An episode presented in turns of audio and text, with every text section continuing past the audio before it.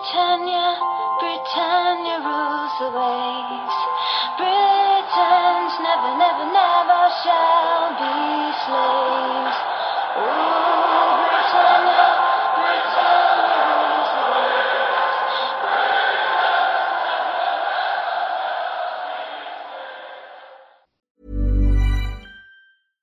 Sandra, and I'm just the professional your small business was looking for. But you didn't hire me because you didn't use LinkedIn jobs. LinkedIn has professionals you can't find anywhere else, including those who aren't actively looking for a new job but might be open to the perfect role, like me. In a given month, over 70% of LinkedIn users don't visit other leading job sites. So if you're not looking on LinkedIn, you'll miss out on great candidates like Sandra. Start hiring professionals like a professional. Post your free job on linkedin.com/people today.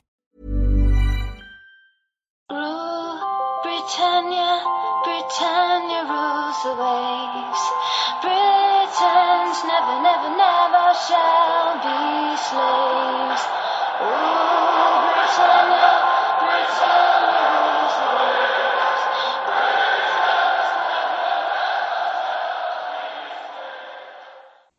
Hej och välkomna till avsnitt 60 utav Svenska FPL-podden. Det här är inför Game Week 12, alltså den sista Gameweeken innan det tredje landslagsuppehållet. Tredje och sista landslagsuppehållet just nu i alla fall. Och eh, vi spelar in tisdagen den 5 november. Och agendan för dagens avsnitt är att vi som vanligt ska syna eh, Game Week 11, senaste Gameweeken kolla igenom de olika lagen och vilka spelare det är som utmärker sig i, åt olika håll.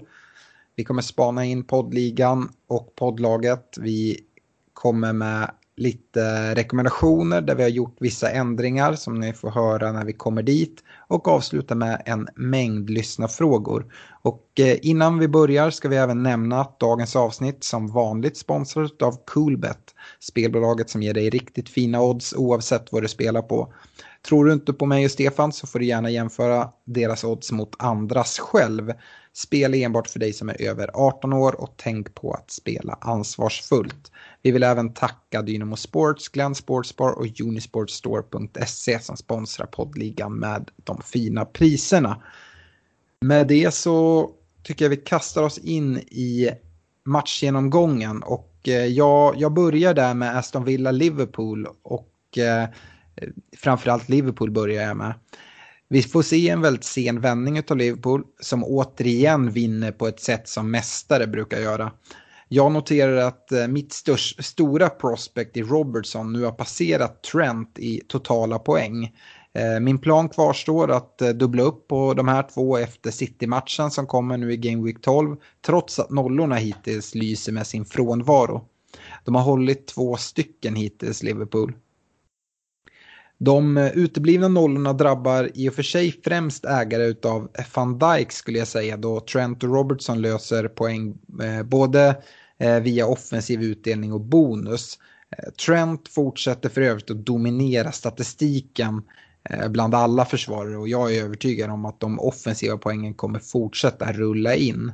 Gällande defensiven så säger även statistiken att nollorna bör komma. Det är faktiskt endast United som har en lägre expected goals conceded än Liverpool. Och expected goals conceded är alltså hur många mål man förväntas släppa, släppa in sett till vilka lägen man, man släpper till då. Det andra som jag noterar är att Mané fortsätter trumfa Salah och eh, det är inte bara i poängen utan även i den underliggande statistiken. Eh, nu är det City hemma på Anfield till helgen innan landslagsuppehållet och även om det såklart är en tuff match så rekommenderar jag oavsett att man ställer sina Liverpool-spelare på banan. Efter landslagsuppehållet känns det nästan nödvändigt att ha tre Liverpool-spelare i sitt lag med deras fina schema och eh, som sagt jag siktar på Trent, Robertson och Mané.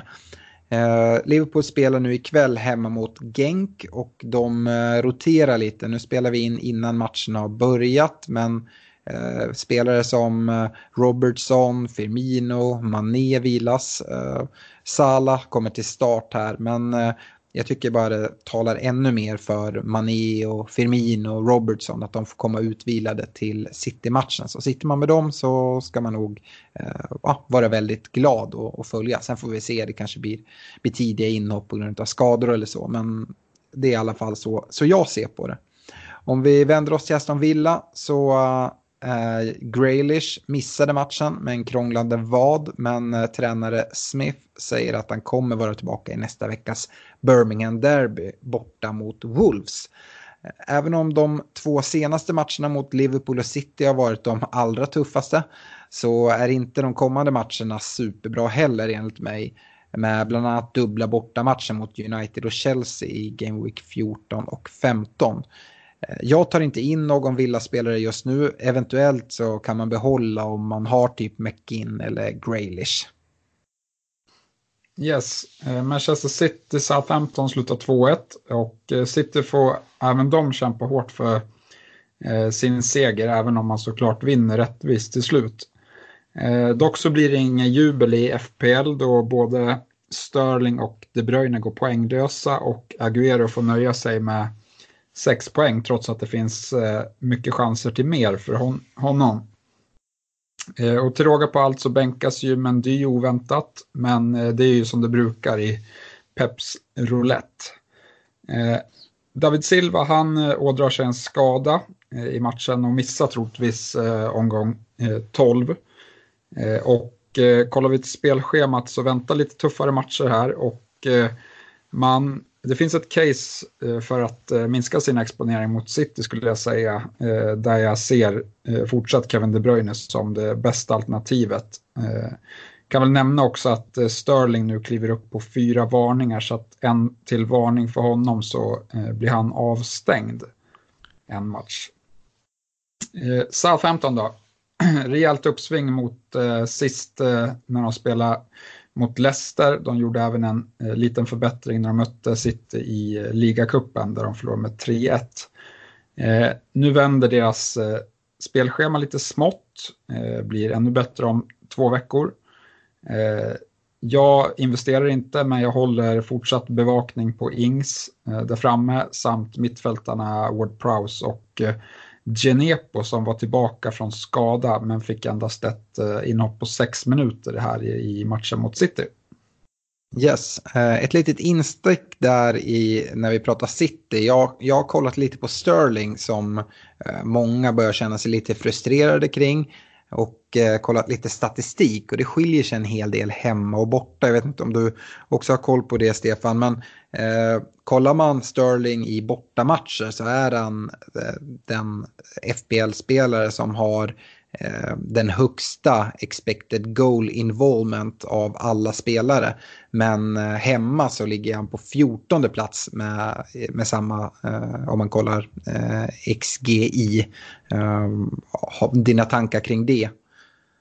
Ja, det är ju, det är ju såklart inte bra för hans del. Men, men så missade han ju den matchen där kanske de flesta andra sitter mittfältarna fick väldigt höga scorer när de körde över Watford med, med 8-0.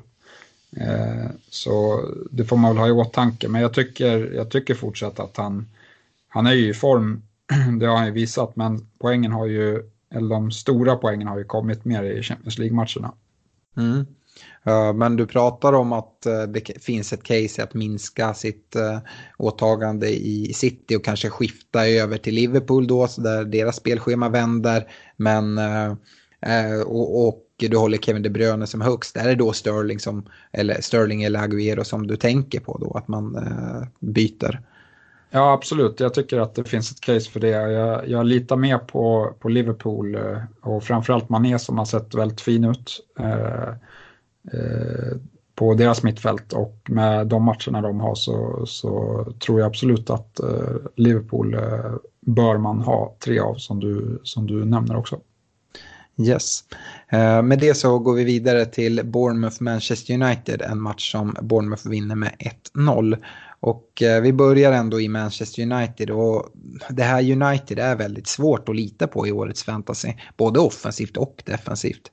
Eh, trots noll mål eh, så fanns det ändå offensiva tendenser kring fronttrean med James, Rashford, Martial. Och jag tycker att om man sitter med någon av dem i laget så sitter man stilla i båten med kommande schema. Eh, defensivt är det svårt att säga vad man ska göra. Med schemat känns det som att nollorna borde komma men enskilda misstag som leder till mål fortsätter häckla alla som har investerat i Uniteds försvar. Kan även säga det att uh, Ashley Young nu är avstängd i Game Week 12 på grund av fem varningar och United spelar Europa League uh, på torsdag. Uh, Bournemouth då, ja, här har vi sett lite upp och nervända siffror på Bournemouth. Det är tredje raka nollan för Bournemouths annars så bräckliga defensiv. Det är Newcastle borta eh, nästa, fullt av Wolves hemma. Och eh, där borde kunna vara matcher där Rik och övriga i försvaret skulle kunna få någon ytterligare nolla på kontot. Eh, jag personligen lider för de som tog in Callum Wilson sent då han nu radar upp sin fjärde raka blankning efter att ha inlett de första sju game week med offensiv utdelning i varje match.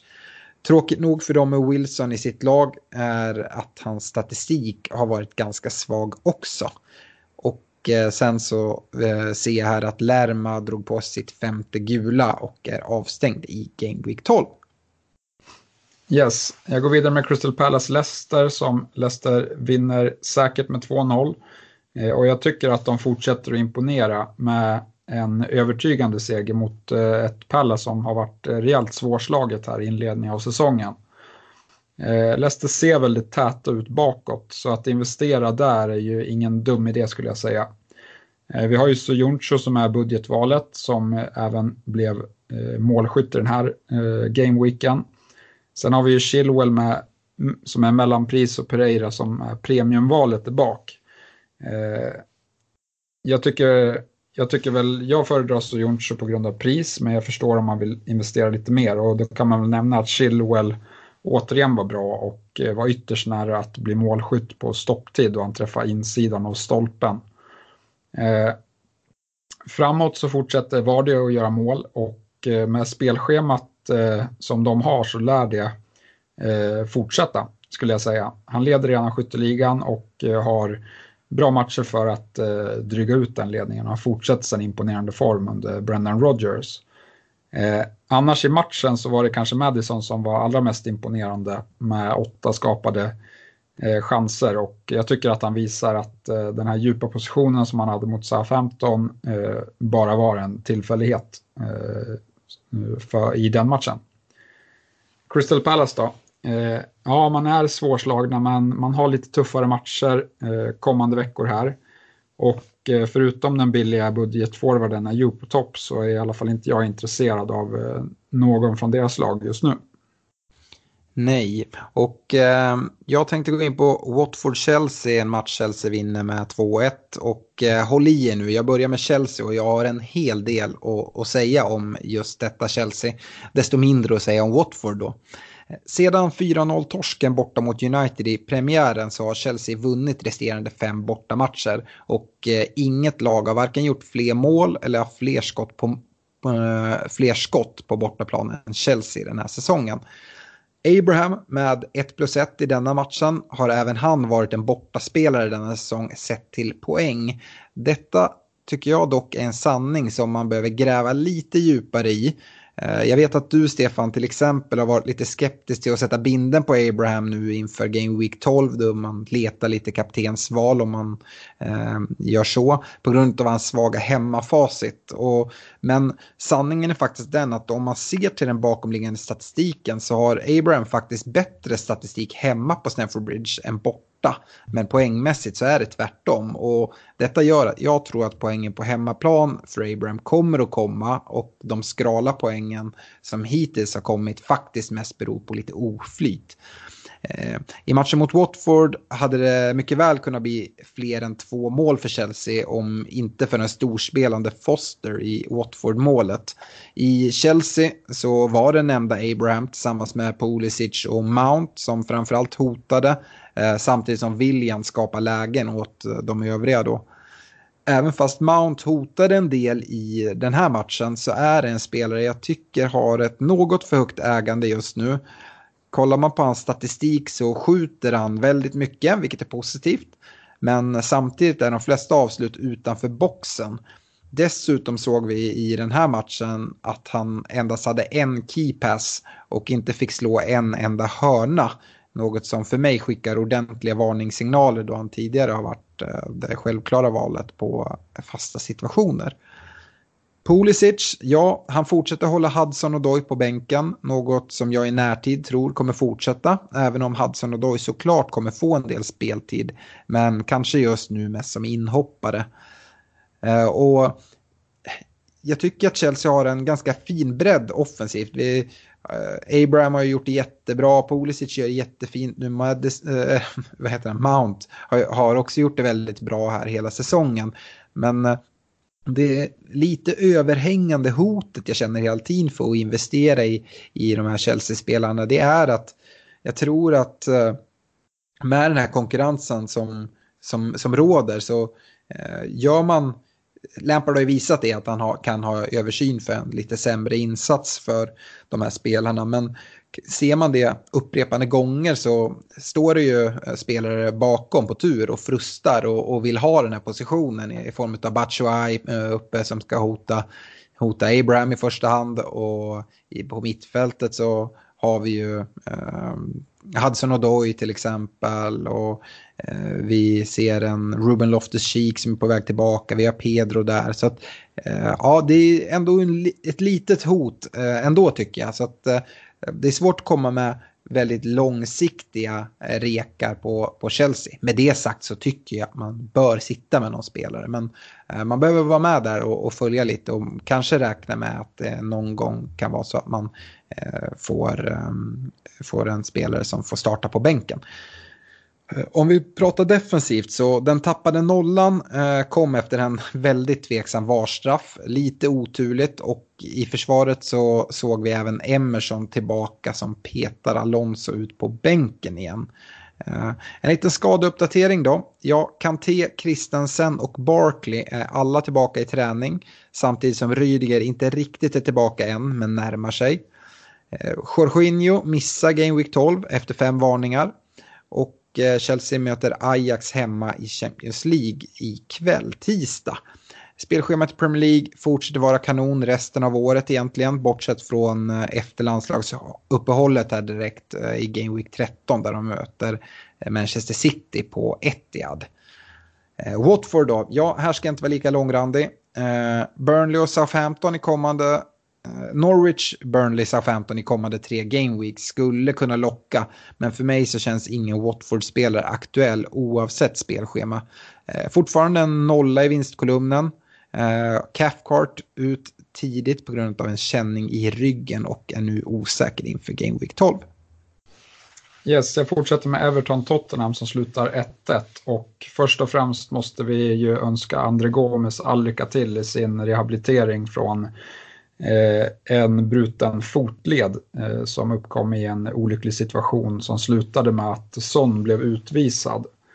Eh, väldigt tråkigt för hans del och Everton också och nej, det är aldrig kul att se sådana saker hända. sen går det ju inte att se den här matchen utan att, klaga på VAR. det är ett antal beslut som tas i den här matchen. det som är gemensamt för dem är att det tar väldigt, väldigt, väldigt lång tid för att komma till ett beslut. Eh, jag tycker inte att man är konsekvent i besluten och eh, i många fall tycker jag att de kommer till fel eh, slutsats helt enkelt. Det måste ske en förändring och varför inte börja använda monitorn som finns tillgänglig för domarna på att gå ut och kika på. Matchen då. Everton de skapar mest och ofta genom Richarlison framspelad av Digné. Eh, dock så blir matcherna svårare snart, eh, så byt inte in dem utan eh, behåll om ni äger, men eh, ta inte in några. Evertons problem lär ju fortsätta också utan viktiga Gomes här eh, framgent. Tottenham då. Spelschemat kommer bli lite bättre nu, eh, men problemen fortsätter för Spurs, så jag skulle inte hoppa på deras spelare. Eh, Son som blev utvisad i matchen har fått sin utvisning upphävd och det tycker väl jag är korrekt och situationen där han blir utvisad eh, är olycklig och eh, ska inte vara ett direkt rött kort. Kane, han missade den här matchen på, grund av sjukdom. Oklart om han kommer vara helt kry till nästa vecka men han borde väl ha goda chanser till det. Eh, vill man investera i Spurs så eh, är ju då Son fortsatt det bästa alternativet. Eh, och det finns kanske en, om man är väldigt riskvillig så kan man väl chansa och gå på Alli som verkar vara på väg att hitta lite form igen efter en längre formsvacka. Men jag tycker fortsatt att han har mer att bevisa. Yes. Gällande Son där så ska man väl skjuta in det att eh, nu fick han avstängningen upphävd men han såg ut att bli väldigt, väldigt tagen av hela händelsen och eh, även om jag helt håller med att det inte är ett rött kort så är det ju en hämndaktion från Son där han går in. Han har fått en armbåge i sekvensen innan och sen går det ett tag sen ser han sin chans att, att, att ta ut hämnden. Sen så eh, att resultatet blir som det blir, det, det är ju ren olycka. Men jag är inte helt övertygad om att Son kommer känna sig redo eh, för spel. Han verkar väldigt tagen. Så att en liten varning där. Jag, jag är inte alls säker att han kommer spela i alla fall, men vi får se. Eh, Sheffield United Burnley, 3-0 till Sheffield och vi måste nog börja ta Sheffield på allvar nu och eh, ja, Lundström vilken jävla legend. Eh, fick in en lyssnarfråga, jag kan ta den nu bara kort. Han sa det, ni måste hylla Lundström, det här är helt sinnessjukt. Eh, och eh, ja, lutar tillbaka nu. Eh, denna vecka slog Lundström till med två kassar, håller nolla och maximala bonuspoäng. Detta ger han 21 pinnar, det högsta någon spelare har tagit denna säsong. Vilket jävla fynd. Jag hoppas att de flesta hade honom redan Game Week 1 för 4,0. Numera får man betala 4,8 för karn. 68 poäng har han tagit, 14 poäng mer än den näst bästa försvararen i Leicesters Pereira. Eh, Lundström såg denna helg ut som någon eh, Lampard i sina glansdagar då han från mittfältet hela tiden fyllde på in i straffområdet. Och ser man till statistiken så hade han flest skott på mål, flest skott innanför boxen och flest stora chanser. Lägg där till att han har, har flest vunna tacklingar i matchen. Eh, ja, jag, jag bara bugar mig och bockar för Lundström. Eh, nog talat om världens bästa Lundström. Jag ser även att inget lag har släppt in färre mål än Sheffields åtta denna säsong, något som de delar med Leicester. Deras fem nollor är bäst i ligan tillsammans med City och gör att man såklart lockas av United-lånet Henderson i kassen. Även om en uppdubbling i försvaret känns som en hög risk så har det ju hittills lönat sig och schemat ser bra ut framöver så varför inte? Om man har blivit förälskad i Sheffield och vill fylla på med ytterligare spelare utöver underbara Lundström och eventuellt Henderson i kassan då så kanske man ska kika mot budgetforwarden Musset som eh, står för samtliga tre assist i denna match. Och eh, han har även gjort mål i de två matcherna innan dess.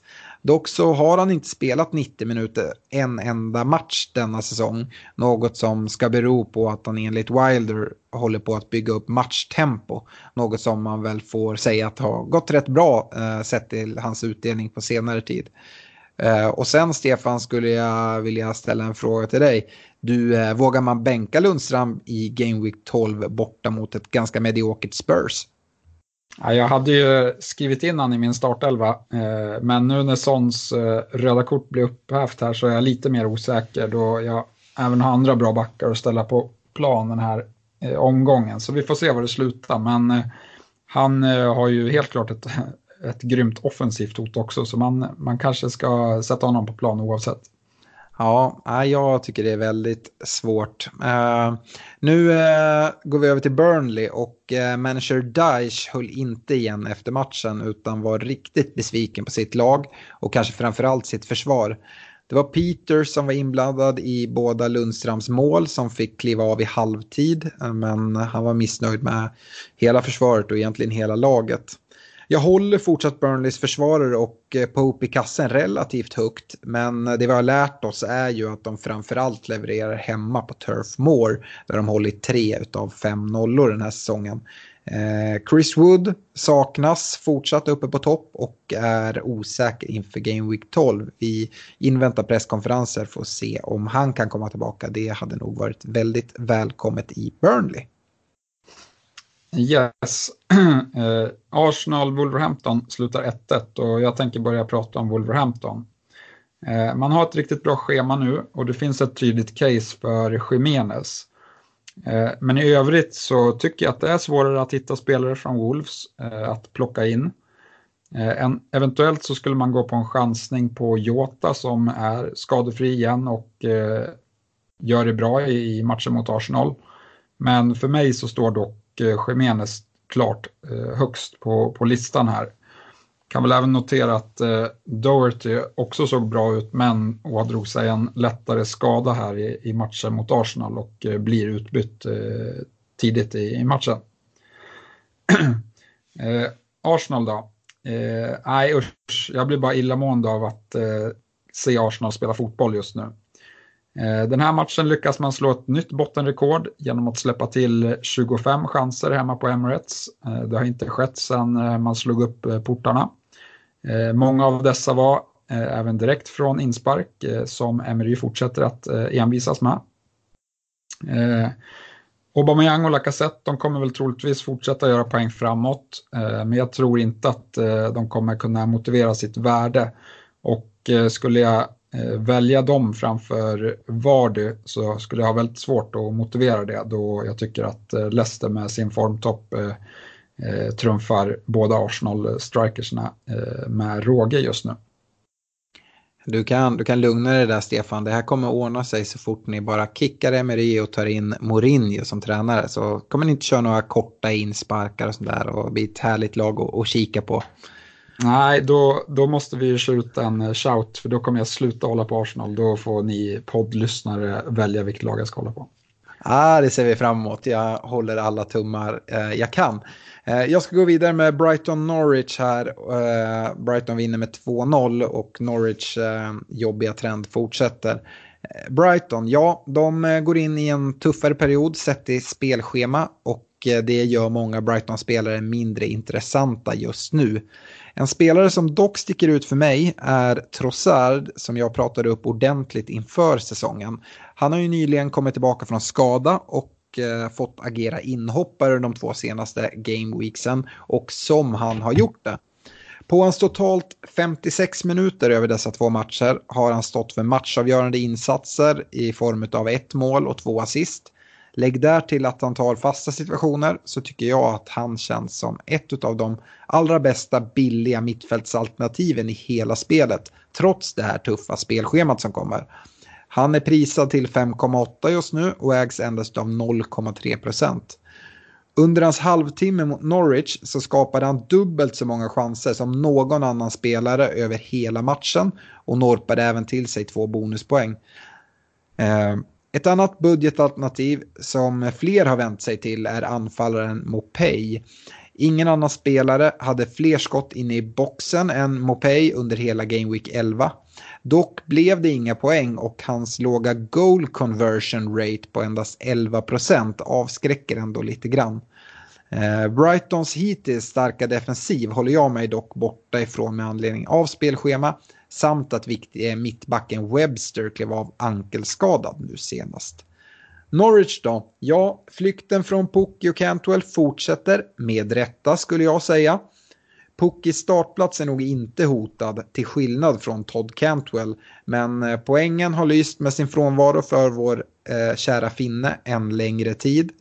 Eh, det är Watford hemma i kommande Game Week. Ser och för sig bra ut och även efter det eh, ser det ju okej okay ut. Men frågan är om man har tålamod med Norwich och dessutom har råd med fortsatta prissänkningar som kommer att komma. Yes, var du klar där? Jajamän. Ja, då avslutar jag med West Ham Newcastle som Newcastle vinner med 3-2. Och jag börjar även med dem och eh, de gör en riktigt, riktigt bra första halvlek. Eh, där de tar ledningen med 3-0 och eh, Willem som jag nämnde för två veckor sedan, eh, han kommer iväg med åtta poäng. Eh, men det är Sant Maximan som eh, borde ha gjort flest poäng då han bränner två helt solklara frilägen. Oför, oförklarligt dåliga avslut dessutom. Eh, spelschemat, eh, det är helt okej, okay, så jag klandrar inte de som köper in någon billig Newcastle-lirare, men jag gör det fortsatt inte. Ska eh, flika in där att Willems startplats eventuellt är hotad när Richie kommer tillbaka från skada och det skulle kunna ske efter landslagsuppehållet. West Ham då. Eh, nu blir spelschemat sämre för dem och eh, West Ham har problem och spelar inte speciellt bra. Så att eh, sitter man kvar med någon därifrån så tycker jag att eh, det är dags att byta ut dem. Framförallt gäller det Haller på topp och eh, sen undviker man dem ett tag tills eh, de kanske har fått ordning på spelet bättre framöver. Yes, och då är vi klara med matchgenomgången och hoppar in i poddligan och toppen där uppe som ja, fortsätter ånga på skulle jag säga. Eh, på första plats hittar vi nu Respect Woodinho som har legat där uppe en längre tid. 97 pinnar tar han den här gameweeken vilket är imponerande. Totalt 735 poäng och det räcker faktiskt fram till plats 28 i hela världen. Eh, väldigt imponerande, men man ska ha i åtanke att han endast har free hit kvar av chipsen. Så att, eh, de har han eh, strösslat med här, men med framgång skulle jag säga. Eh, på andra plats så hittar vi Joel Rogö som har en liten mer normal game week med 63 poäng. Totalt 724 poäng. Och på tredje plats så får du drömma dig tillbaka lite Stefan. Niklas Wenger väljer jag att uttala hans efternamn. Jag är tveksam om han själv uttalar det så, men jag uttalar det så. Och han tog 99 poäng den här gameweeken. Totalt ligger han på 707 poäng. Ja, vad kan vara bättre än en blandning av Bentner och Wenger? Det kan inte bli mer bättre än så. Nej, det är fantastiskt. Uh, Lord Wenger. Uh, poddlaget då, ja vi tog eh, 77 poäng, vilket uh, man får vara nöjd med och gröna pilar ser vi. 573 poäng totalt och vår klättring har påbörjats. Vi siktar nog på att spara vårt byte för att ha två fria byten till landslagsuppehållet som vi har talat om hur viktigt det kan vara tidigare. Om vi kollar på förra veckans byte så kan man ju säga att det här Mendy-bytet det såg Pep till att krossa genom att sätta honom på bänken som du var inne på i matchgenomgången. Och för att strö lite, strö lite extra salt i såren så gjorde såklart Digné assist i Everton då som, som vi plockade ut. Eh, I 96 minuten också. Ja, precis. Ja, men det, det är härligt. Eh, jag känner ändå att eh, det är ett helt okej okay och Eh, jag tror att Mendy kommer visa sig vara, vara en mycket bättre spelare än Digné att sitta på här framöver. Ehm, eh, de fortsatta problemen vi har är ju eh, Norwich-duon Pookie och Cantwell som jag var inne på i matchgenomgången där. Och eh, vi vill ju rätta till det tids nog. Men ja, jag vet inte riktigt när. Det är lite svårt också. Man behöver välja vilken väg man, man ska vandra. Det är svårt att hitta en vettig ersättare till Cantwell i samma prisklass. Och ja, hur ska man investera pengarna om man tar ut båda två? Ska man gå på en billig anfallare och uppgradera Cantwell eller ska man ta någon, någon budgetspelare? Vi får se lite hur vi gör här framöver men eh, det är i alla fall problem som vi har identifierat. Yes. Um, går vi till rekommendationerna då uh, så uh, ska jag säga det på en gång. Vi kommer att göra om lite här. Vi kommer bland annat att stryka de här varningsflaggorna vi har haft och anledningen till att vi gör det är att vi tycker att vi flaggar upp varningar i den här laggenomgången som görs i början av varje avsnitt. Så att eh, framöver så kommer vi eh, skippa varningarna. Eh, vi kommer dessutom göra de här kaptensvalen lite mer till en kaptensdiskussion där vi diskuterar eh, de alternativ vi tycker är allra bäst. Men avslutar också med ett, ett kaptensval som, som vi står för, som vi tidigare har haft också. Eh, och sen så kommer vi höja upp differentialvalet till 10 procent, alltså en ägarandel under 10 procent. Det har tidigare varit under 5 procent. Men det har varit lite krystat här i några game weeks så att vi höjer upp den till 10 procent och vi kommer eventuellt även eh, göra om lite val på den här framöver. Vi får se hur vi gör.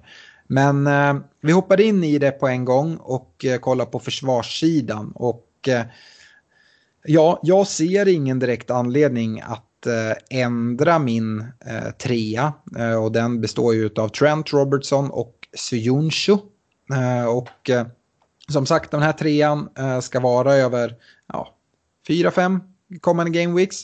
Nu har ju Liverpool en match mot City. Eh, och eh, ja, vi får väl se tveksamt om, om nollan kommer hållas. Men Eh, Eh, bortanför den matchen så är det jättefint. Dessutom kan både Trent och Robertson ta offensiva poäng mot ett Manchester City. Sioncho eh, presterar ju nu här senast också. Eh, Stefan, du eh, har eh, van Bissaka, Trent och Mendy. Ja, det blev lite snegunga här med Mendy som oväntat bänkades till förmån för Angelino. Eh, och eh, det är olyckligt och matcherna ser lite sämre ut, men han får ändå vara kvar här, men med, med ett eh, liten brasklapp att eh, han ligger illa till. Han får skärpa till sig. Eh, Trent och van Bissaka, de, de blir också kvar. Eh, jag tycker som sagt Trent fortsatt ser eh, jätte, jättefin ut och eh, van Bissaka gillar deras matcher och eh, tror som sagt att eh, det borde komma någon nolla. Mm. Du är inte inne på Leicester-spåret. Du var inne på i, i eh, matchgenomgången att det fanns tre ganska bra alternativ i försvaret annars. Jo, absolut. De skulle kunna vara där. Men du har ju Joncho med i din lista så han får, han får sitta där. Absolut.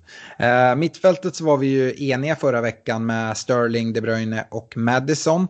Eh, jag ska faktiskt plocka bort Madison eh, den här veckan. Inte på något sätt på grund av hans insats utan eh, jag gillar Sterling och Kevin De Bruyne väldigt mycket. Eh, Sterling har ju frustrerat många men eh, för mig så tycker jag hans statistik talar ett tydligt eh, språk, speciellt hans borta statistik.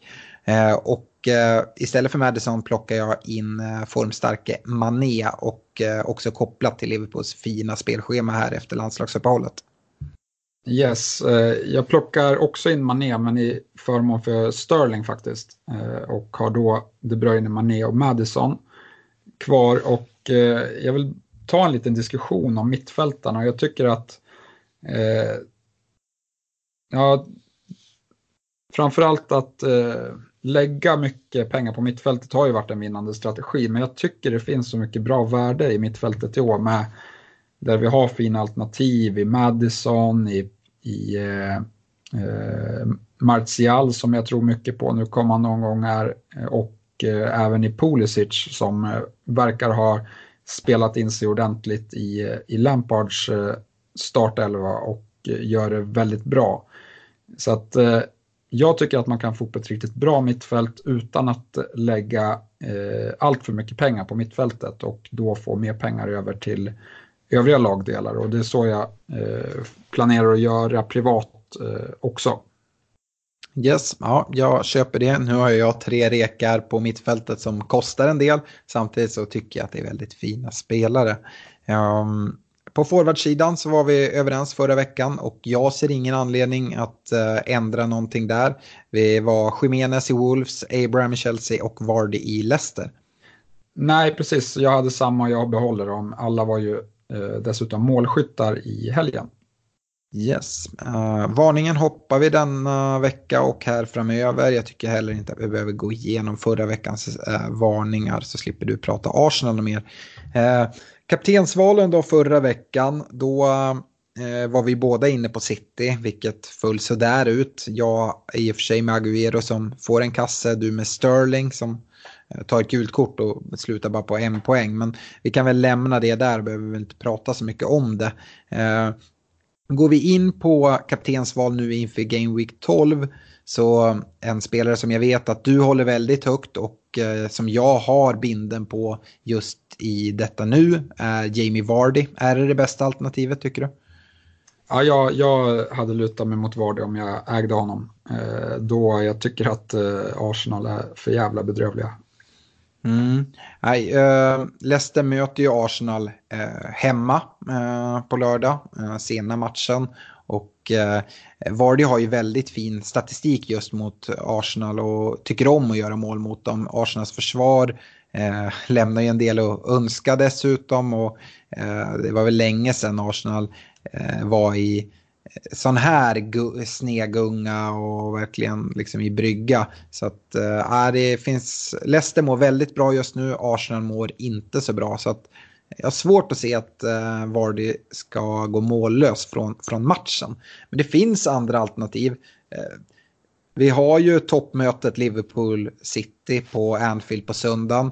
Eh, tycker du att det är helt galet att sätta en kaptensbindel på, på någon i Liverpool eller i City? Och om du skulle göra det, vem håller du högst? Ja, till att börja med så gillar jag inte att sätta kaptensbindeln i toppmatcher och det är eh, primärt för att jag, det brukar tendera att bli oväntade utfall i toppmatcherna. Svårt att förutspå hur det ska gå i alla fall. Så därför brukar jag hålla mig borta när jag inte riktigt kan eh, på förhand säga vem som, som har överhand. Och eh, det kan jag inte riktigt här, även om jag håller eh, Liverpool som favorit hemma på Anfield. Och jag tycker att Citys försvar eh, kanske inte riktigt är tillräckligt bra för, för den uppgiften.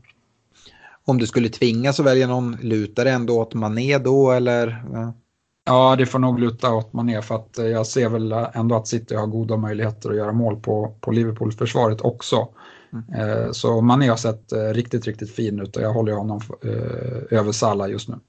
Ja, jag, jag, tycker också att det är svårt. Det behöver inte vara fel ändå tycker jag att sätta binden i sådana här toppmöten.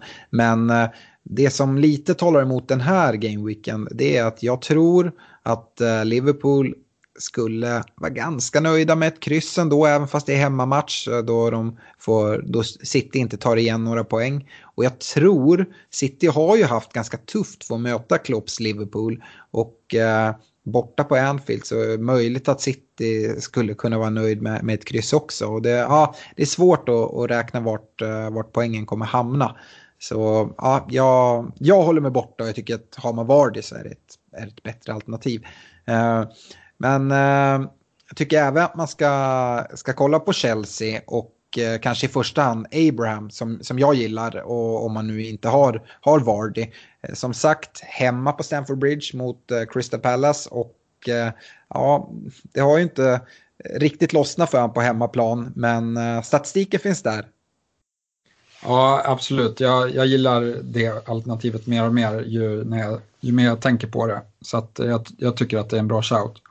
Eh, det, det man... Eh, ja, nej, vi, vi, jag lämnar det där. Jag hade ingen bra nej. Eh, hur är det med spelare som Pulisic? Tycker du att man skulle kunna sätta binden där och kanske sticka ut ännu mer? Nej, ja det är klart man, man skulle kunna sticka ut och göra det. Men, men hade jag satt den på en Chelsea-spelare hade jag valt Abraham som han spelar just nu. Och sista spelaren jag skulle vilja nämna i den här kaptensdiskussionen det är om man kollar mot Wolves som eh, spelar eh, Birmingham Derby hemma mot Aston Villa. Och uh, Jiménez tänker då framförallt eh, uppe på topp. Det är ju faktiskt så, nu har Wolves Europa League på torsdag, men kollar man statistikmässigt som, som vi gillar att göra så har Wolves faktiskt presterat ganska bra direkt efter Europaspel. Och ja, Jiménez skulle det kunna vara något? Ja, absolut, det skulle kunna vara det. Men jag håller Vardy och Abraham högre. Eh, mm. Jiménez har gjort det bra, men jag är inte helt övertygad om Wolves. Jag tycker att det är, det är ingen så här eh, jätteövertygande spel, men de, de gör det bra så, som eh, balanserar båda turneringarna, det gör de. Mm. Är det någon uh, spelare som jag inte har nämnt som du tycker man ska ta med i en sån här kaptensdiskussion? Nej, inte för mig faktiskt. Och eh, om jag uppfattar dig så tycker du att det bästa kaptensalternativet ändå är Vardy? Ja. Ja, och det är även vad jag står någonstans. Eh, differentialval då den här veckan. Eh, som sagt, nu har vi höjt upp gränsen till 10% Förra veckan så rekade vi båda Antonio Marcial.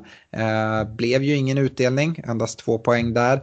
Um, nu har han gått, tickat över 5 procent, men uh, jag tänker nog stå kvar och lite bara för, för att. Uh, trots att han då inte fick någon utdelning. Nu har han gått över 5 procent, han ligger på 6,5 procent ägarandel. Men uh, jag tror på Martial fortsatt så att han får ligga kvar för mig.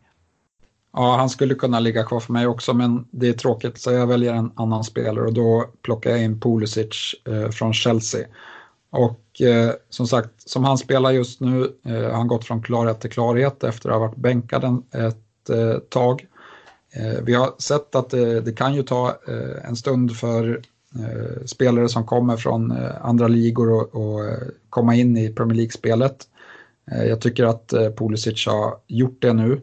Och eh, kollar jag på Chelseas lag som de ställer upp nu med William och, och Pulisic och så Mount eh, bakom där så ser jag väl ändå att Pulisic är den, förutom Abraham, som kanske ska bidra med flest, eh, flest mål för Chelsea eh, bakom Abraham. Så att, jag tror att han, hans målskörd kommer fortsätta. Mm.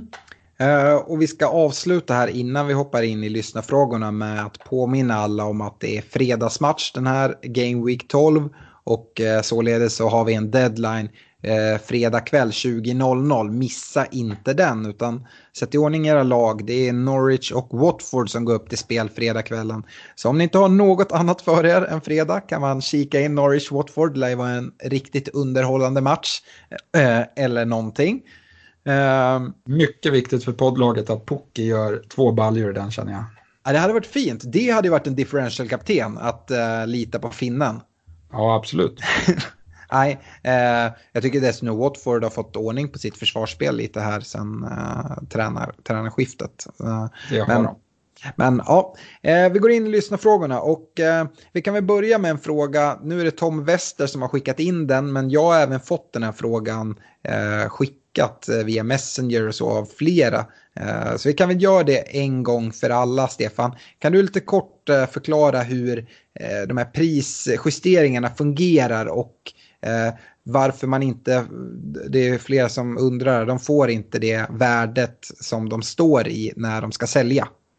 Ja, eh, prisökningar får man eh, 50 procent eh, tillgodoräkna när man säljer och det avrundas alltid till ens nackdel. Så att eh, för att man ska tjäna 0,1 på någon som en spelare som man äger så måste han alltså gå upp 0,2.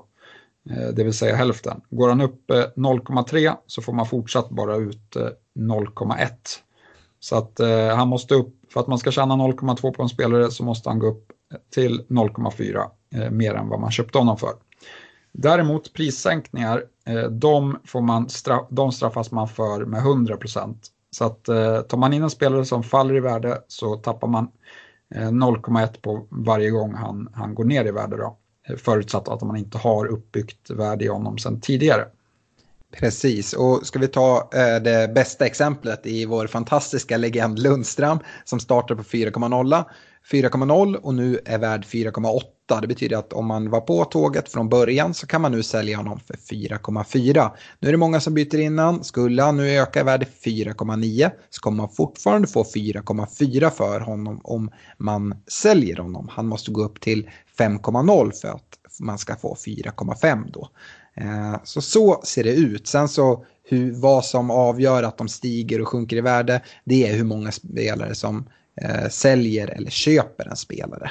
Eh, sen så är det en algoritm där bakom som jag tror ingen riktigt har 100% koll på, men eh, så är det i alla fall.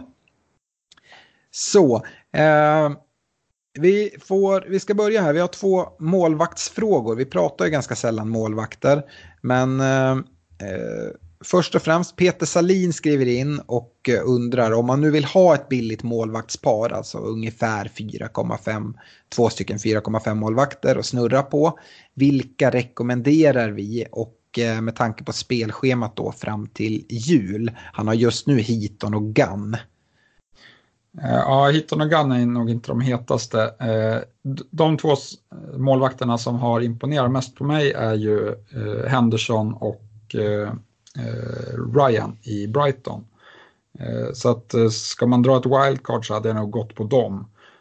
Sen det här med att rotera målvakter, budgetmålvakter, det är inte så lätt som man tror. Och, om, om det inte är extremt tydligt att en budgetmålvakt är, stark på hemmaplan som vi kanske har sett med, med Burnley. Och eh, skulle jag kasta in en tredje eh, budgetmålvakt så skulle det faktiskt vara just eh, Pope i Burnley.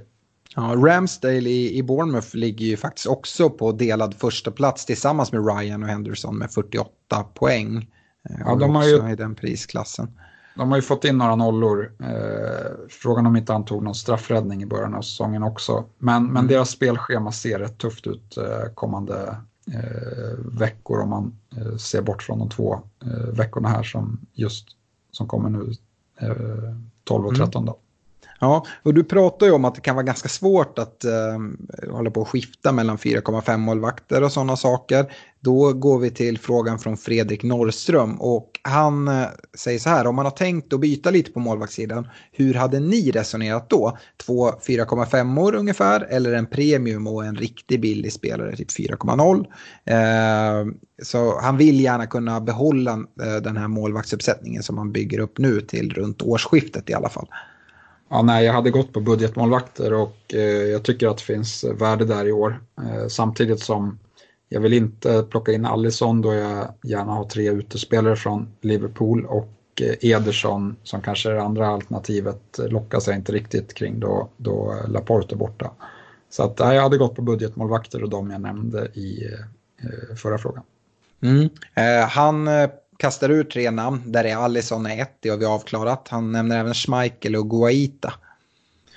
Ja, eh, Schmeichel skulle absolut kunna vara ett alternativ, men, men där finns ju till exempel Soyuncu billigare, så att det gör honom mindre intressant skulle jag säga. Och jag vill inte dubbla upp eh, Leicester-försvaret eh, heller. Eh, och Guaita, eh, visst ett alternativ, eh, dock kanske inte helt hundra på sin plats då Eh, Eh, även han eh, Hennessy eh, får lite matcher då och då i Crystal Palace. Yes, jag, jag instämmer till fullo, speciellt kopplat till Schmeichel där. Att jag tycker inte det finns någon anledning. Schmeichel jätteduktig målvakt, Leicester jättebra lag. Men som sagt, man kan ju få backning i deras försvar via Sujunsu.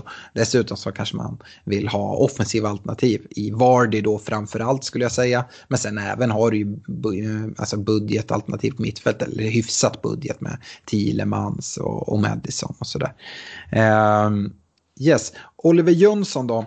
Eh, han undrar, eh, man behöver ju ha någon riktigt billig spelare för att eh, liksom lösa eh, budgeten. Och han undrar, vill man ha en 4,5 mittfältare ungefär eller en 4,5 forward ungefär om man nu måste välja? Ja, eh, jag tycker eh, det är lättare att hitta bra budgetalternativ på forwardsplatserna just nu. Eh, och de två som jag tycker sticker ut är ju Ayew i Crystal Palace och Mosé i Sheffield United för tillfället. Sen har vi även Connolly i Brighton, men eh, som sagt tufft spelschema och eh, jag vet inte om han är helt ordinarie eh, om eh, fem omgångar sig. Nej, eh, jag håller med där. Eh, han undrar även, eh, han står inför ett val med Agüero om man ska ta bort honom denna omgång eller vänta till nästa till fördel då för Mané eller Salah. Nu spelar de på olika eh, positioner men jag antar att det är liksom budgeten som ska kastas om lite. Han undrar om man ska vänta i den här gameweeken eller om man ska eh, switcha redan nu. Ja, det är en slantsingling skulle jag säga. Det är väldigt, väldigt svårt att förutse det. Eh, men eh, nej, det är inte fel att byta mot Liverpool redan nu, men skulle det kosta minuspoäng så skulle jag sitta kvar med Aguero. Yes. Eh, Chris Carlson, han letar efter en ersättare för vår käre, käre Todd Cantwell i ungefär den prisklassen. Ja, det är ju lite svårt. Vi har ju några alternativ där nere, men, men det är rätt tunt. Vi ska väl nämna McTominay kanske i United, eh, som ändå är, hans plats borde vara väldigt säker. Eh, du har väl Jorginho, men han är avstängd just nu. Ja, han, eh, han missar ju eh, kommande match mot Crystal Palace hemma och därefter så är det City borta. Så just nu kanske han inte är rätt att ta in.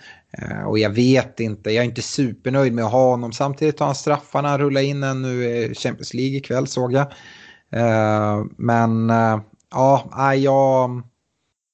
Det, det, är svårt. Jag ska, ska nämna det att Cantwell står i ett pris på 4,7 och många kanske tog in den när han var prisad 4,5 så då har man 4,6 om man ska... Och där, där hittar jag inget. Nej, man måste nästan upp. Eh, man måste upp lite grann. Eh, väldigt lite så kan man ta in Guendouzi i Arsenal 4,7. Man ska inte ha några förväntningar på poäng där men det, jag skulle tro i alla fall att han är en ganska säker startspelare i Arsenal. Eh, men som sagt, kan man gå upp då och få upp den till ja, Jorginho eller McTominay som är prisad 5,1 så kanske det är, är att eh, rekommendera. Um, ja, det, det är jättesvårt tycker jag. Det är en prisklass som, som är, eh, är lurig och har man väl hamnat där och satt sig i, i eh, en sån spelare så ja, ofta så får man leta lite och göra ett dubbelbyte och kanske nedgradera någonstans för att eh, kunna kasta in lite mer pengar. Om man skulle göra det Stefan och eh, kanske ha, vad vet jag, eh, få, få upp till 6,5 eller något sånt. Eh, finns det nå, några spelare du håller högre än någon annan då? Ja, men jag tycker Leicester mittfältarna kan vara intressanta i Thielemans och eh, en chansning i, i Ayoso Perez eller Harvey Barnes. Eh, mm. eh, sen är jag väldigt intresserad av, av Trossard, men inte med det spelschemat som de har just nu. Nej, det är en chansning. Jag kommer nog göra just det, att uh, ta in Trossard uh, för att frigöra pengar. Uh, jag har inga jätteförväntningar på, på utdelning av poäng, men samtidigt är det en poängspelare som, som skulle kunna ta även i, i tuffare matcher. Men man, man ska ha lagom förväntningar för, för spelare i den prisklassen. så är det. ja, Chris, kast, det är svårt. Kasta ut en väldig chansning i, i Genepo som jag var inne på i Southampton som gjorde det väldigt bra innan han blev skadad. Nu är han tillbaka, men eh, han är inte helt eh, i matchformen. Mm, nej.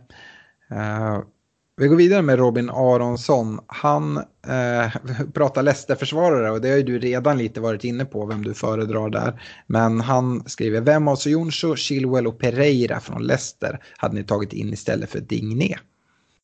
Ja, jag hade gått för Soyuncu och fått mer pengar till övriga laget, men eh, Annars så tycker jag Chilwell, eh, som han har sett ut på slutet här, också är ett bra alternativ. Jag hade inte lagt upp de extra pengarna för Pereira just nu. Nej, jag är också i Sojuncho-hörnan. Så eh, kan man lägga pengar på andra spelare. Eh, Arvid Gylander då, eh, en Arsenal-fråga Stefan, det är perfekt för dig. Eh, vad tar man sig till om man sitter med Aubameyang? Ja, eh, säljer honom. Nej, men, jag, jo, jag, jag, jag, tycker inte han är värd de pengarna. Eh, jag tror till exempel att Vardy kommer, eh, kommer matcha honom eh, kommande, ja, fram till jul. Eller har i alla fall goda möjligheter att göra det. Jag ser även att om man inte har Abraham redan så är han ett superfint forwardsalternativ. Och så har vi även nämnt Jiménez då. Mm. Nej, uh, jag tycker nog också det. Sen så, jag tvekar inte på att Aubameyang kommer fortsätta dra dit några kassar. Nu har jag bytt ut den så att han borde uh, leverera. Uh, Don Sundell, han har en lite längre fråga här, men jag tycker att den är ganska bra och den rör sig kring differentials. Och han skriver så här, det finns en anledning till att differentials är just differentials. Eh, tycker det är för mycket snack om de här spelarna för tidigt på säsongen och att eh, bära på dem eh, riskerar att sänka sin overall ranking. Jag tycker differentials bara ska jämföras med det i sin eh, respektive kompisliga. Möjligtvis kan man tänka annorlunda i slutet på säsongen. Eh, jag ska nu byta ut Son eh, mot antingen Madison som man skriver då 16,6 procent ownership eller Martial på 6,4 procent. Tycker ni att jag ska bry mig om totala ownership eller titta på dem i min liga och de vanligaste spelarfaktorerna såsom fixtures och expected goals? Nej, jag tycker man ska försöka gå på den man tror mest på hela tiden. Eh, förutom som han nämner i slutet. Mm. Eh, så att, eh, men bara för att om jag jämför till exempel som han säger med Madison och Martial och står i valet och kvalet så ser i alla fall inte jag något negativt i att eh, Martial har ett lägre ägandeskap. Det, det tycker jag bara är, är eh, bra om, om jag tror lika högt om spelarna. Mm. Ja, så är det. Och sen kan man ju lägga in även en, en eh, prisdiskussion på det. Är det någon med en låg ägarandel där man tror att den kommer leverera, ja men då finns det ganska stora chanser för att man kan hänga med på lite prisökningar. Är det en spelare som har högre ägarandel som kanske har några jobbiga game weeks så är det ganska snabbt till en, en prissänkning. Nu ska man som sagt, det absolut viktigaste i valet är inte att kolla, åh, han har lågt ägarandel. Och där håller jag med Dan, att eh, det finns en anledning till att vissa spelare är väldigt låg, lågt ägda och andra väldigt högt ägda. Men eh, eh, gör eh, överslaget, kolla eh, framförallt på vem du tror kommer ta mest poäng och den spelare tar du in. Om du inte riktigt kan bestämma dig eller tror att de kommer ta lika mycket, ja men gå på den som antingen kostar minst så att du får bättre budget eller den som har lägre ägarandel. Det, så skulle jag ändå säga. För det blir ju en psykologisk faktor också i det läget som du nämner att den här spelaren som man tar in inte presterar och om man är högt ägd och börjar byts ut, till exempel om man tog in Pucki lite sent, mm. Eh, då, då, sit, då, blir det ännu jobbigare att sitta med honom och kanske behålla honom till nästa omgång där han kommer leverera för att han kommer sjunka i pris och det kommer tappa slagvärde. Eh, så att det tenderar till att man eh, gör ytterligare misstag. Ja. Eh, vi går vidare. Bra fråga där från Dan tycker jag. Eh, Bartek Sieslik, han skriver så här. Är det dags att hoppa på Leicester-tåget eller ska man lugna sig lite? Nej, det är dags att hoppa på. De kommer ta en Champions League-plats i år, är jag rätt övertygad om. Ja, och han undrar om man där då ska chansa lite och gå på billigare Thielemans eller Peres eller är Madison Vardy det absolut bästa alternativet? Ja, Vardy är ju, är ju deras eh, go-to-anfallare så han är det bästa alternativet. Eh, sen mittfältet, det kan gå lite hur som helst. Jag håller väl Madison högst men eh, Thielemans är lika given i laget och Eh, kan absolut leverera bra med poäng. Peres är jag lite mer osäker till på grund av hans eh, speltid och han tenderar att bytas ut eh, tidigt av Rodgers i matcherna. Yes, instämmer. Eh, André Widerheim Ekelund, hade ni haft kvar De Bruyne, Sterling och Sala till helgens match? Eller vem skulle ni ha bytt ut av de tre? jag hade nog behållit alla tre. Det beror lite på vad man vill göra med sitt lag. Som sagt, men, men jag ser ingen anledning till att eh, kasta ut dem bara för att de möter varandra. Mm. Om du skulle byta ut någon, är det Sterling du hade tagit ut då? Eh, hade han Mané eller Sala?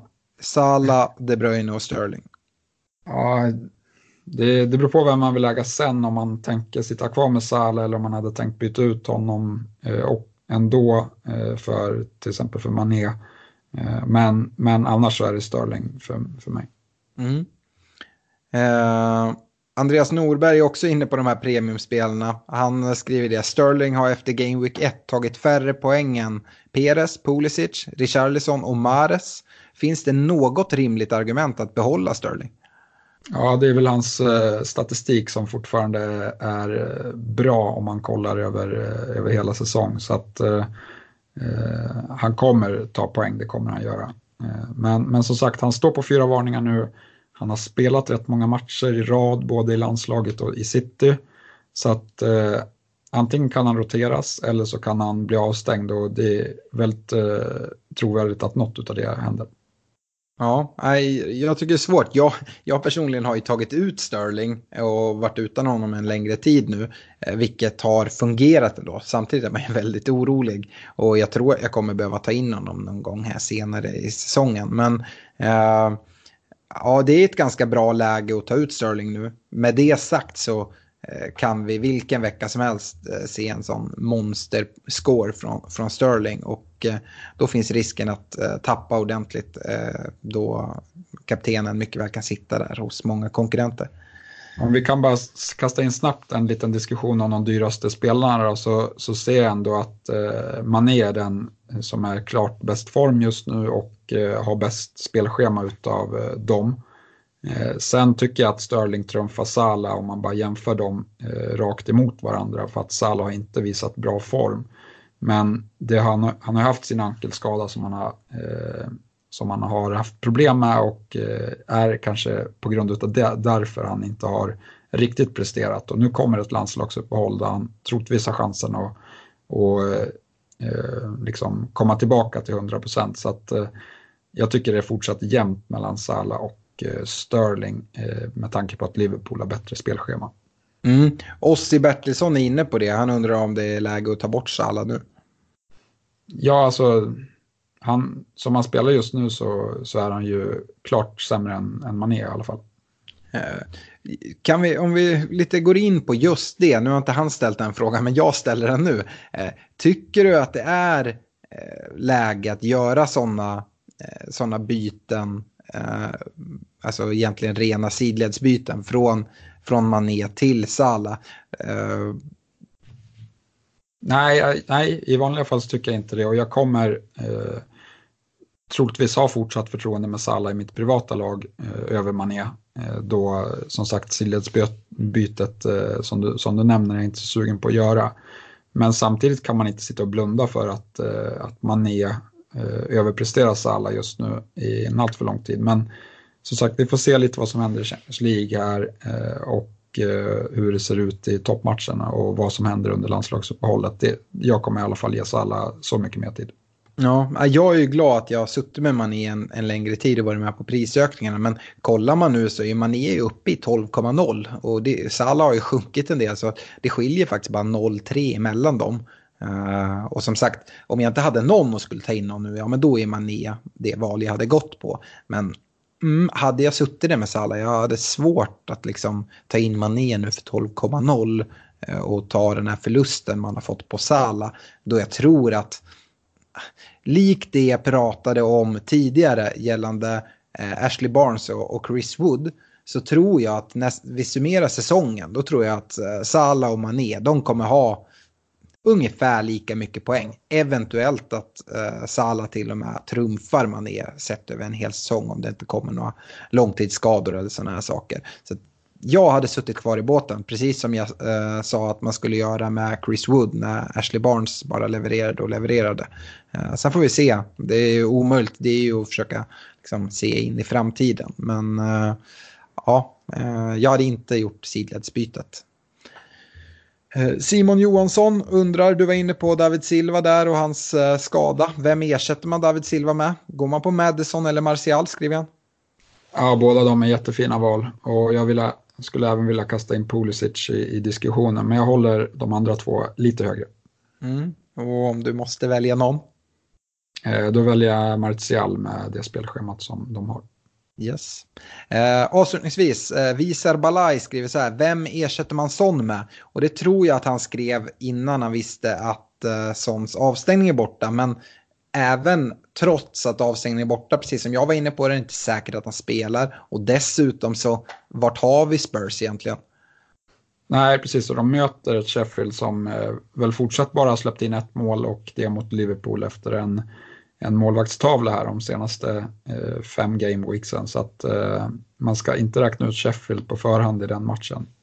Nej, tycker du att det finns ett uh, case att byta ut som uh, ändå och vem kollar du mot då i liksom, pris? Är det att gå ner i pris lite kring de här spelarna vi pratade om i, i Pulisic, Martial, Madison eller är det någon hade jag, hade jag bytt så hade jag gått ner till den prisklassen då jag tycker att eh, alla de tre känns intressanta. Men som sagt, jag hade nog avvaktat fram till presskonferensen, eh, alternativ se hur det ser ut i, Champions League här. Eh, spelar han, spelar han inte? Vad säger Pochettino på, på presskonferenserna om, om sån? Nämner han någonting eller inte?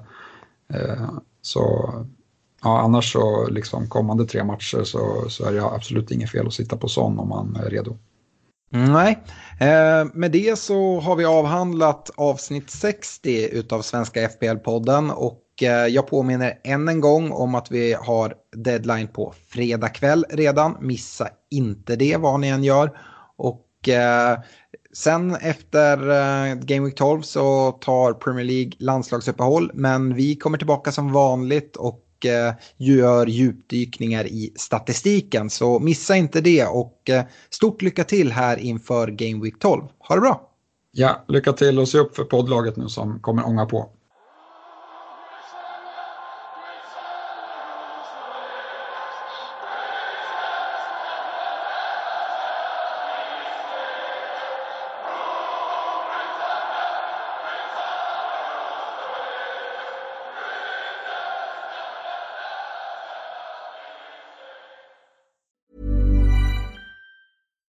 Deserves the best, and there's no better place to shop for Mother's Day than Whole Foods Market. They're your destination for unbeatable savings, from premium gifts to show-stopping flowers and irresistible desserts. Start by saving 33% with Prime on all body care and candles. Then get a 15-stem bunch of tulips for just $9.99 each with Prime. Round out Mom's menu with festive rosé, irresistible berry chantilly cake, and more special treats. Come celebrate Mother's Day at Whole Foods Market.